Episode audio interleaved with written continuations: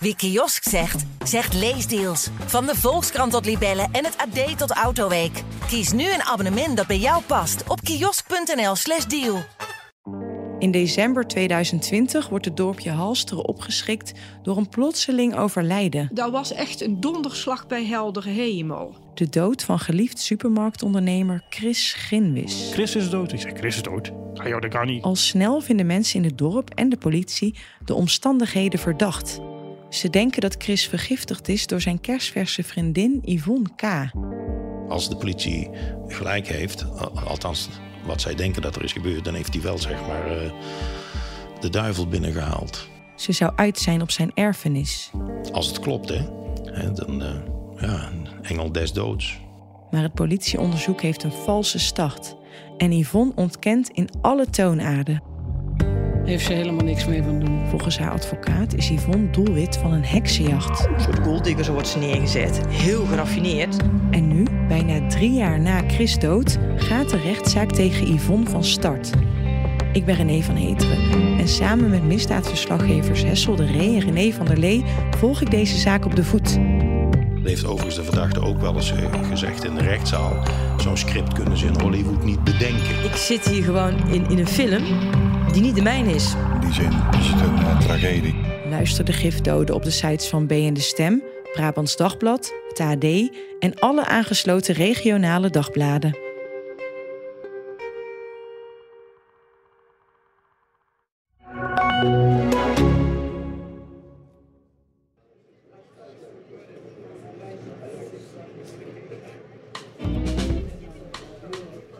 De chique spiegelzaal van het Amstelhotel heerst een feestelijke stemming. De glazen glinsteren en worden voortdurend bijgevuld. Het diner dat de gasten krijgen voorgeschoteld is voortreffelijk. Gemarineerde gepekelde zalm, gebakken parelhoenfilet en pom fondant. De zaal zit vol met belangrijke mensen. Leden van de exclusieve Amstelclub, ondernemers, captains of industry, leden van raden van bestuur. En onder hen één journalist, Laurens Verhagen van de Volkskrant. Het was zo'n heel, hele rare setting. Een duidelijk een bijeenkomst van de Amstelclub, een businessclub. Dus ik, ik, ik zat er ook met mensen van ja, hoge posities die bij Schiphol, meen ik me te herinneren, en uh, IT-bedrijven, van alles wat. En, en, en uh, um, het, het, was duidelijk geen persbijeenkomst. En mijn verbazing die groeide wel gedurende de avond. Het is 16 januari 2019, een koude grijze winterdag. Het is alweer een jaar geleden dat Rian van Rijbroek bij Nieuwsuur door de mand viel. Ze bleek geen superhacker, maar een cybercharlatan. En toch is zij het stralende middelpunt van deze avond. Want al die belangrijke mensen, die zitten er voor haar. Rian presenteert in deze stijlvolle setting haar tweede boek, Unhacked, weer over cybersecurity. Ondanks het debakel van een jaar eerder wordt Rian op deze avond enthousiast onthaald. Met mensen die van heinde en verre zijn gekomen voor jou. Oudzakenvrouw van het jaar Lia van den Berg kondigt haar ronkend aan. Dat horen we op de opname van Laurens Verhagen. Want niemand was verplicht.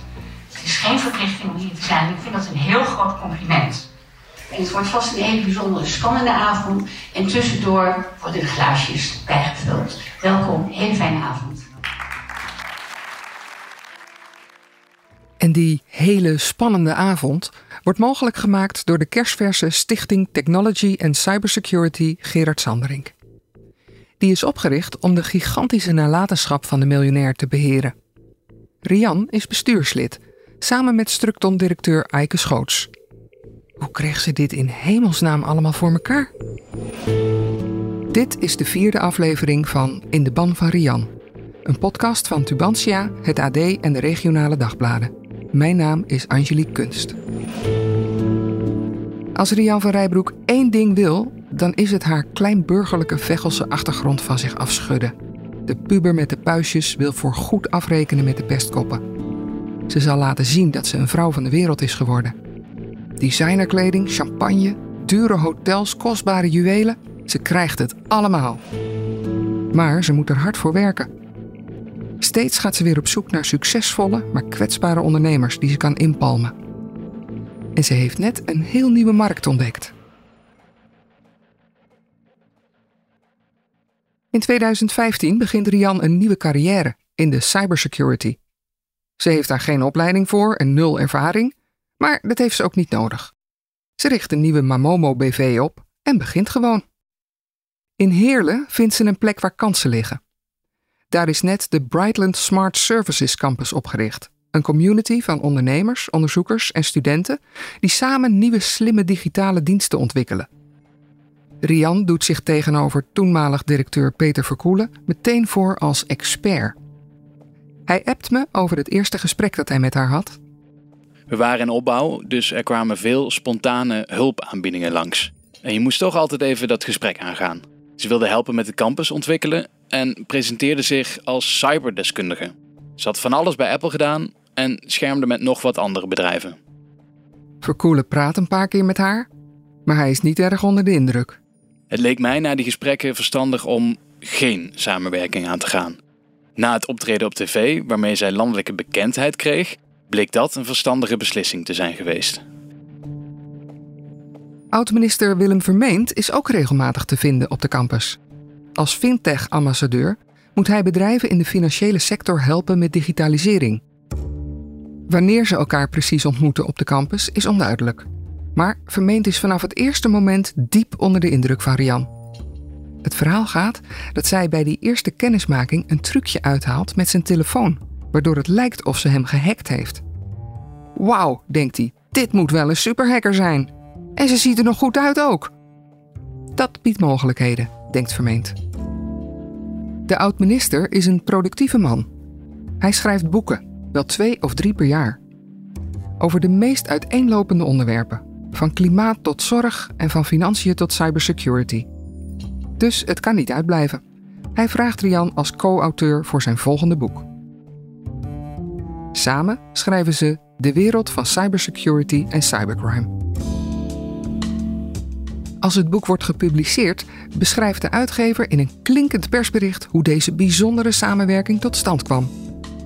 We hebben elkaar leren kennen op de Brightland Smart Services Campus in Limburg, zegt Vermeend.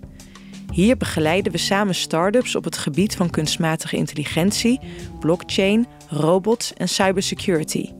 Het kostte Vermeend wel wat moeite om Van Rijbroek over te halen met hem in zee te gaan, maar uiteindelijk stemden ze in. Heel bijzonder, ja. Maar er klopt niet veel van. Directeur Verkoelen van Brightlands appt daarover. Vermeend gaf geen les, maar kwam er af en toe. Volgens Verkoelen heeft Rian ook nooit les gegeven op de campus. En trouwens, lessen volgden ze er ook niet.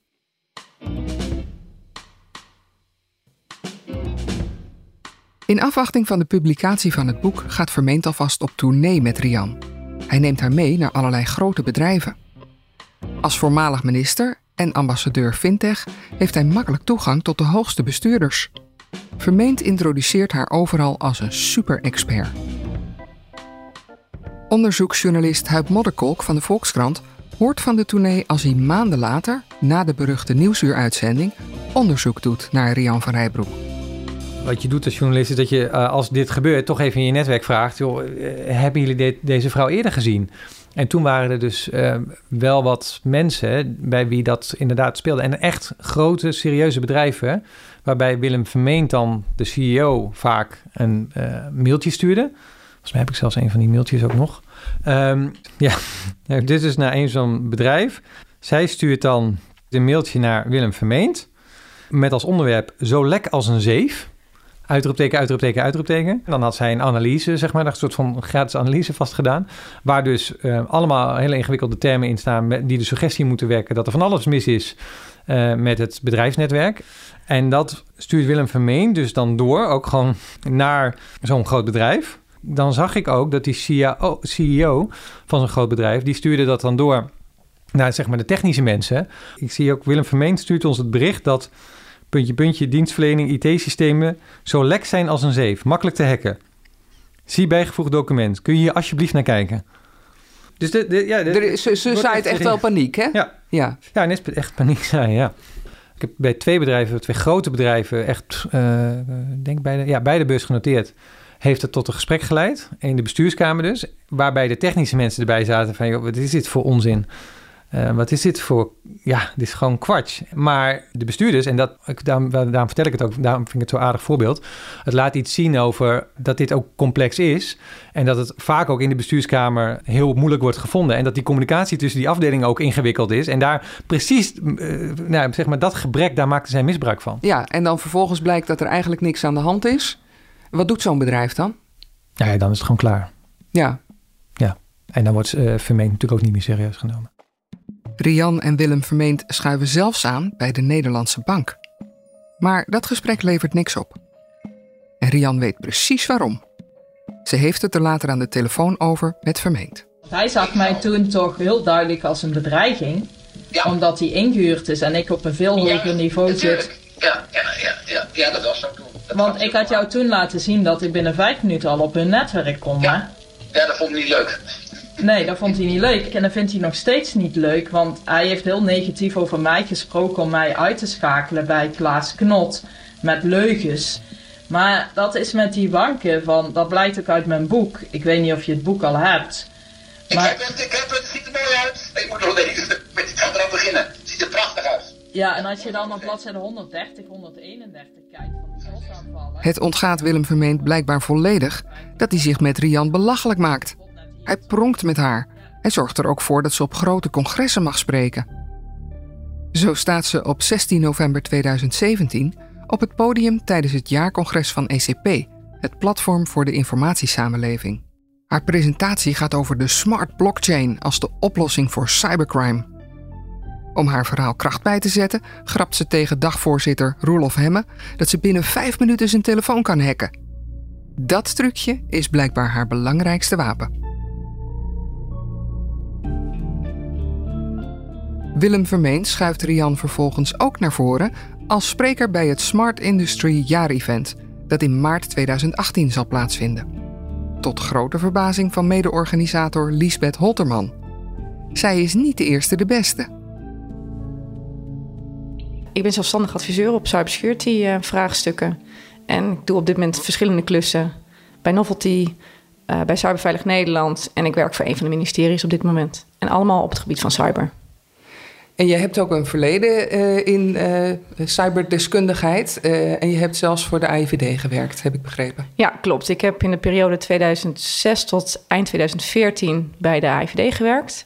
En waarvan ook vier jaar op locatie van de MIVD. En in die periode ben ik ook in het cyberveld terechtgekomen. Dus dat is eigenlijk mijn achtergrond, hoe, ik, hoe ik in de wereld van cybersecurity terecht ben gekomen. Lisbeth werkt op dat moment voor de FME, dat is de ondernemersorganisatie voor de technologische industrie. In die hoedanigheid spreekt ze Vermeend regelmatig. Ze vertelt hem dat ze een spreker zoekt voor het jaarevent. Maar dat hoeft niet, bezweert Vermeend. Hij heeft al iemand. Een topper. Toen is hij over, uh, over Jan van Rijbroek richting mij uh, begonnen. Vertelde wat ze allemaal kon. Hè, dat ze onder andere haar, eh, zijn telefoon gehackt had. Dat vond ik al een vrij onwaarschijnlijk verhaal. Maar toen vertelde hij van... Goh, nee, maar ik, ze is echt heel goed. Want ze heeft ook voor de inlichtingendiensten gewerkt. Dacht ik, nou, dat is interessant. Heb ik ook gewerkt.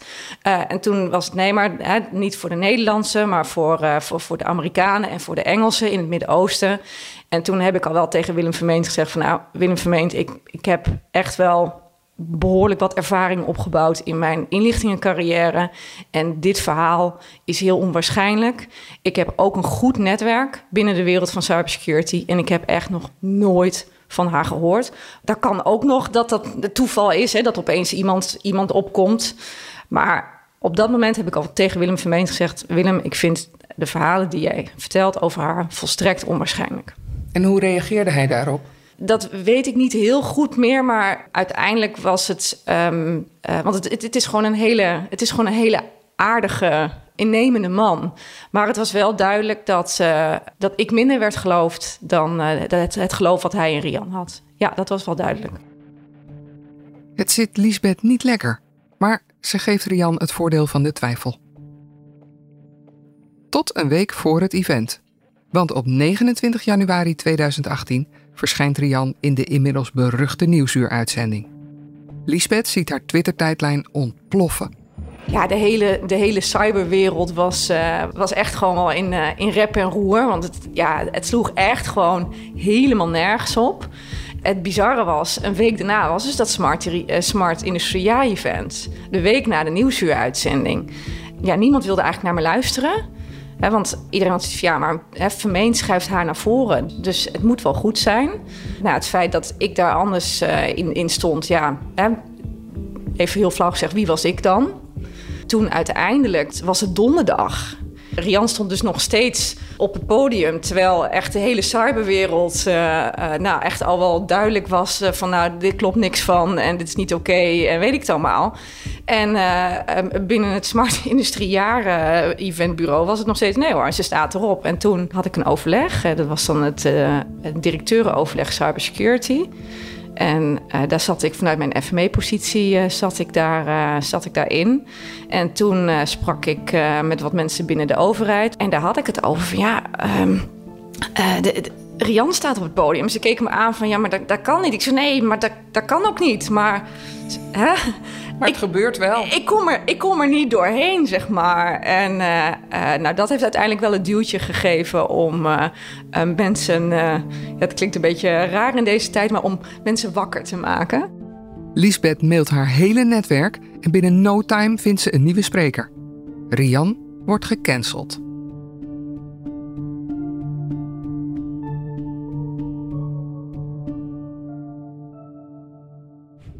Rian is dus beslist geen cyber-expert en ook geen superhacker.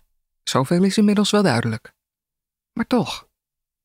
Is ze dan gewoon een fantaste, een leugenaar? Of is er misschien toch iets waar van haar verhaal? Het lijkt me onwaarschijnlijk, maar ik moet het zeker weten. Hoe zit het dan met die werkzaamheden voor geheime diensten? Want Rian beweert dat ze voor de Amerikanen werkt, dat ze missies uitvoert naar Iran, met een helikopter wordt ingevlogen om geheime uraniumvoorraden te controleren. Ik vraag het voor de zekerheid toch nog even aan Lisbeth. Die heeft immers zelf voor de AIVD gewerkt.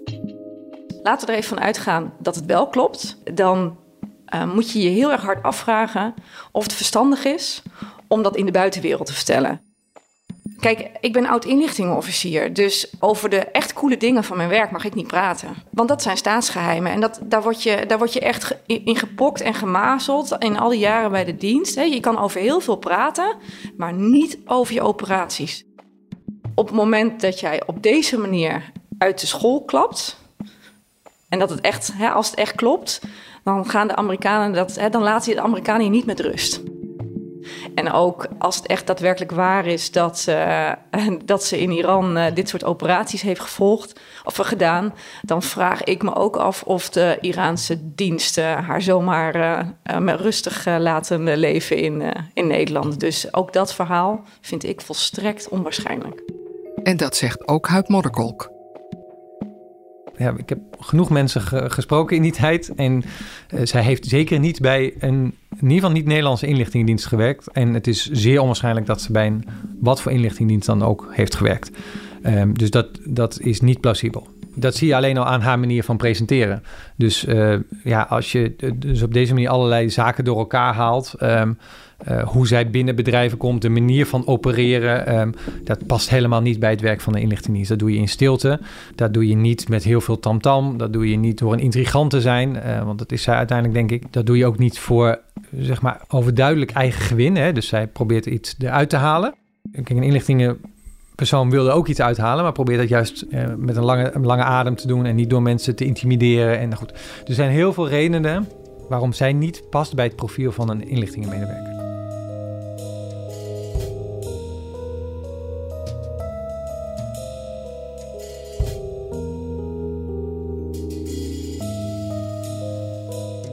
Het is inmiddels april 2018, dik twee maanden na Nieuwsuur.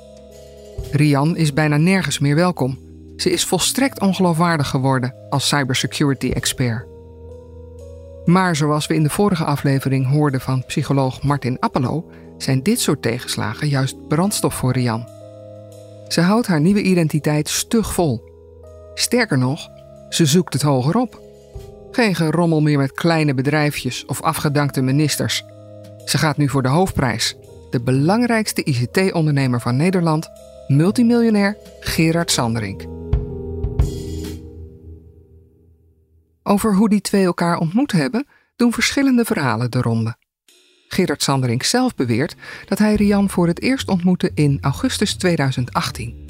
Dat was tijdens een etentje op de exclusieve golfclub The Duke in Nistelrode. Rian was daar ook en naar eigen zeggen was hij meteen diep onder de indruk van haar kennis van software en cybersecurity. Maar dat verhaal van Gerard Sanderink spoort niet met andere informatie. Ik vertelde je in de vorige aflevering dat Rian al in 2015 appte dat ze Gerard Sanderink van Structon had gesproken. Loog ze dat? Of weet hij dat niet meer? En Structon-topman Eike Schoots liet Rian al begin 2018 onderzoek doen bij Structon. Heeft hij ze misschien met elkaar in contact gebracht? En dan vond ik tijdens mijn onderzoek ook nog een PowerPoint-presentatie van Ben van Lier.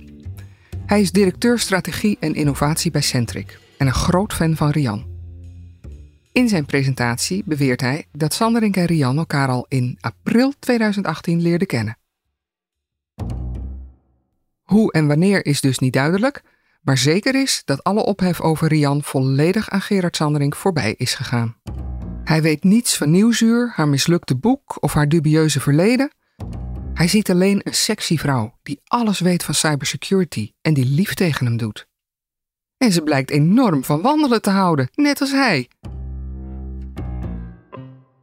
Hij valt als een blok voor haar. En zij vindt feilloos zijn zwakke plekken. Zijn angst voor de dood, zijn gevoeligheid voor complottheorieën en de woede als hij niet serieus genomen wordt. Sanderink raakt er steeds meer van overtuigd dat Rian de enige is die hem begrijpt.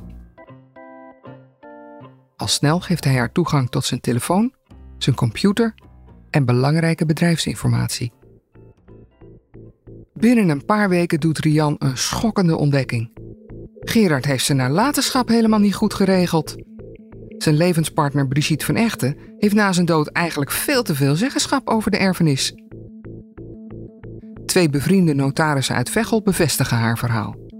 Ze raden Gerard aan om dit opnieuw te regelen en dan goed. Herken je wat Rian hier doet? Het is een kopie van wat ze deed bij de ondernemers Willem en Mario. Paniek zaaien en vervolgens de zaken naar haar hand zetten.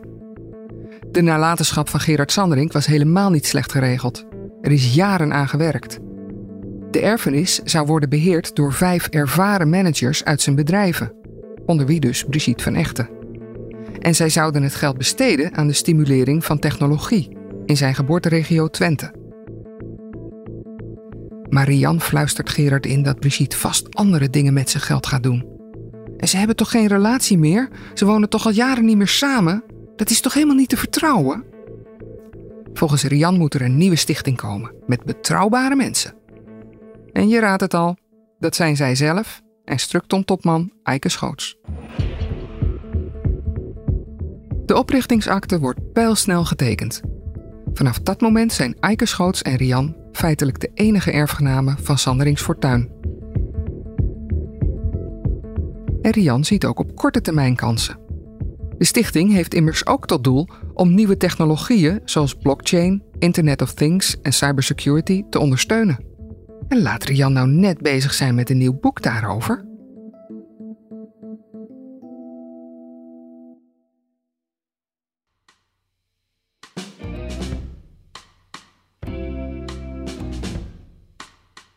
En zo zijn we weer terug in de spiegelzaal van het Amstelhotel. Want daar is dus het chique presentatiefeestje van Rians boek Unhacked. Betaald door de Nieuwe Sandering Stichting. Dankzij de steun van een aantal topmensen van Centric krijgt het boek ook meteen status. Want Rian weet inmiddels wel hoe je credibility organiseert.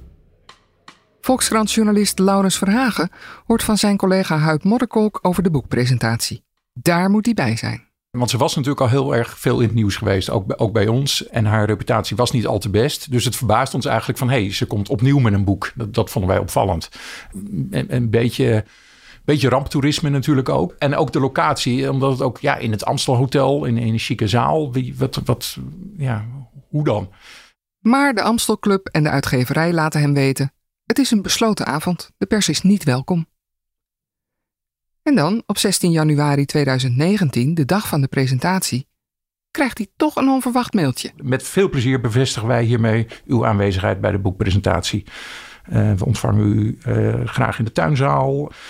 En in de spiegelzaal voor de presentatie een diner. Dresscode, business casual. Dus nou ja, toch nog in, in, in orde. Beetje tot mijn verbazing, omdat het eerst niet mocht en nu toch weer wel. Dus zo kwam ik, uh, kwam ik binnen. Hij gaat zitten aan een van de ronde tafels voor het diner en de presentatie. Na de ronkende aankondiging van Lia van den Berg neemt Structon-topman Eike Schoots het woord. Hij benadrukt dat cybersecurity heel belangrijk is voor Structon, maar vooral voor Centric. Want veel gemeenten werken met software van Centric. En dat is hetgene wat we dus continu ook als verantwoordelijke leidinggevende in toch grotere organisaties waar we op verantwoordelijke posities zitten, dat wij ons beseffen dat er aandacht voor moet zijn, dat het ook continu de vraag moet zijn, is het in orde? Dat is hetgene waar eh, Gerard en ik in geval direct ook Rian verder leren kennend gezegd hebben, dit moet verder uitgewerkt worden in het belang van ons allemaal. Rian, en jij gaat ons dan wat dat betreft ja, inleiden van wat dit betekent. En uh, ja, voor jou dan de vloer. Graag applaus voor Rian. Goedenavond, uh, dames en heren. Fijn dat jullie allemaal gekomen zijn. Laat ik beginnen mezelf in het kort even voor te stellen. Ik ben uh, Rian Verrijbroek, ik ben cybersecurity expert. Toen ik 17 jaar was, ging ik werken bij de Rabobank. De hele bank moest ik leren kennen. Ik werd overal te werk. Het publiek luistert welwillend, ziet Laurens. En het nieuwsuurdebakel komt helemaal niet ter sprake. Nee, nee, nee. Het was helemaal geen, uh, geen gespreksonderwerp. Nee. Dus je kunt je afvragen of de genodigden überhaupt wisten wie Rian van Rijbroek was? Niet iedereen, nee. Want ik heb dan ook wel tussen de, de, de praatjes door... dan check je dat natuurlijk ook wel even bij, uh, bij uh, personen. Kan ook te maken hebben met het feit dat ik journalist was. Ze wisten dat ik van de Volkskrant ben. Dus ik kan me ook voorstellen dat ze een beetje met mail in de mond praten ik had wel uh, het, het, het, gevoel dat ik, ja, van waar ben ik in verzeld geraakt? Ben ik nou de enige die weet wie zij is en dat dit heel raar is? Ja, het was heel bevreemdend, was het eigenlijk. Het was gewoon een heel warrig verhaal. Er was eigenlijk gewoon geen, geen touw aan vast te knopen. Gewoon een, een bullshit bingo kaart die weer werd, werd, werd opgelepeld. Met heel veel cyber en heel veel, heel veel angst uh, schetsen. ja, iedereen nam het toch een beetje voor zoete koek aan. Na afloop voegen de bezoekers zich in een lange rij om het boek te laten signeren en een praatje te maken met deze bijzondere superhacker. Laurens gaat naar huis om zijn stuk te schrijven. Voor de zekerheid legt hij het boek voor aan een aantal echte cyber-experts. Die maken er gehakt van. Twee dagen later verschijnt zijn stuk in de Volkskrant. Inderdaad, vrijdagochtend in de krant. En toen um, vrij snel, uh, die vrijdagochtend uh, daarna, uh, werd ik door hem zelf gebeld. Hemzelf, dat is dus Gerard Sanderink. Het was geen prettig gesprek. Het was een bijzonder uh, uh, intimiderend uh, gesprek. Ja, eigenlijk een, een, hij was heel emotioneel en heel boos en heel onbeschoft. Ja. Het was niet een constructief gesprek. Het duurde wel heel lang. Ik, ik, denk wel nou, het zal wel twintig minuten of een half uur hebben geduurd. Hij bleef maar over, over dat ik geen opleiding had, zou hebben gehad. Wat, nou ja, ik heb gewoon keurig netjes filosofie gestudeerd. Maar, en het waren allemaal hele slimme mensen, eh, allemaal, allemaal doktoren waar hij mee zich omringde. En, en was vooral heel dom en had er niks van begrepen. En het boek was briljant. Dat was een beetje zijn hoofdboodschap. En daarna ging dat eigenlijk de dagen daarna ook door met nachtelijke sms'jes dat ik, dat ik hier niet mee zou wegkomen. Dat de juridische stappen eh, zouden volgen. Dat soort dingen. En uh, of hij dat dan zelf was of Rian van Rijbroek. Die verhalen gaan natuurlijk ook, dat weet, weet ik ook niet. Maar dat, ja, dat was gewoon heel vervelend. Ook Rian is dodelijk beledigd door het artikel. Ze belt daarover met haar goede vriend Willem Vermeend. Die weet wel hoe je met lastige journalisten om moet gaan. Al, al die fouten hebben ze allemaal letterlijk overgenomen. Ja, dat klopt. Ja. Ja. Al die fouten die gewoon echt pure fouten zijn, zijn ja. klakkeloos overgeschreven. Ja, ja, dat klopt. Al die dingen, die puntjes, ik heb de puntjes zitten bekijken, kun je allemaal weer leggen. Waardoor de journalist uiteindelijk niet als deskundig wordt uh, uh, aangemerkt. Dat hij gewoon een foute artikel heeft geschreven. Dan kun je het ook weer doormailen naar de andere media. Ja. Dan betekent de kop wordt volgens van fout. Ja, dat zal ik even met Gerard Sandrink uh, opnemen en met Ben Verlier. Als je je afvraagt hoe we aan deze opname komen, nou, die heeft Rian maanden later zelf naar de pers gestuurd. Waarom is me nog steeds niet duidelijk. Misschien hoopten ze dat de blinde adoratie van Vermeend indruk op ons zou maken. Want wat uit dit gesprek wel blijkt, is dat Vermeend vierkant achter haar blijft staan. Zelfs als ze voor de tweede keer ontmaskerd wordt. Ik snap niet waarom zijn geloof in haar zo hardnekkig is. Want het slaat een stevige deuk in zijn reputatie. Ik heb een paar keer geprobeerd om hem hierover te spreken, maar hij reageerde niet op mijn oproepen. Blijkbaar wordt hij liever niet aan deze periode herinnerd. Rian maakt dat niks meer uit. Ze heeft vermeend helemaal niet meer nodig nu ze Gerard Sanderink heeft. Via zijn bedrijven en zijn computer kan ze zich helemaal uitleven met haar vermeende technische, juridische en financiële kennis. Met desastreuze gevolgen. Dit was aflevering 4 van In de Ban van Rian. In de laatste aflevering hoor je hoe Gerard Sanderink steeds meer verstrikt raakt in Rians web van leugens en verzinsels. Hij komt in een juridisch moddergevecht terecht met zijn ex Brigitte van Echten. Binnen zijn bedrijven breekt chaos uit. Hoe is het mogelijk dat deze selfmade miljonair het zover laat komen? En waar gaat dit eindigen? In de Ban van Rian is een podcast van Tubantia, het AD en de regionale dagbladen. Ik ben Angelique Kunst. Ik maak deze podcast samen met René van Heteren. Art Kok maakte de muziek en deed de mixage. Kevin Goes is de eindredacteur. Je luistert de podcast op tubantia.nl, ad.nl slash podcasts, de sites van de regionale dagbladen en alle andere plekken waar je podcasts vindt. Nog even dit.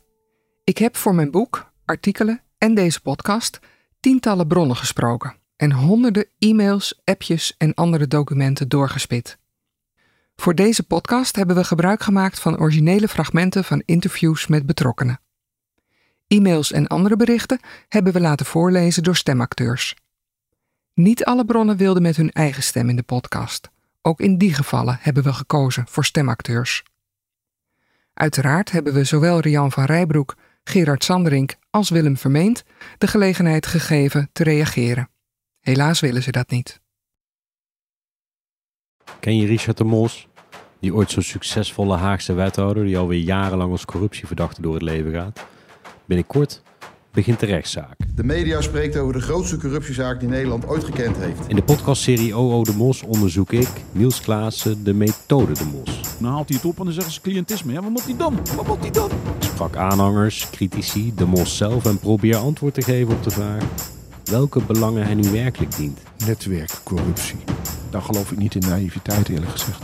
Die van zijn 30.000 kiezers of toch vooral die van een handvol rijke ondernemers die de partijkas spekken. Beluister vanaf nu OO de Mos via ad.nl slash podcasts of in je favoriete podcast app.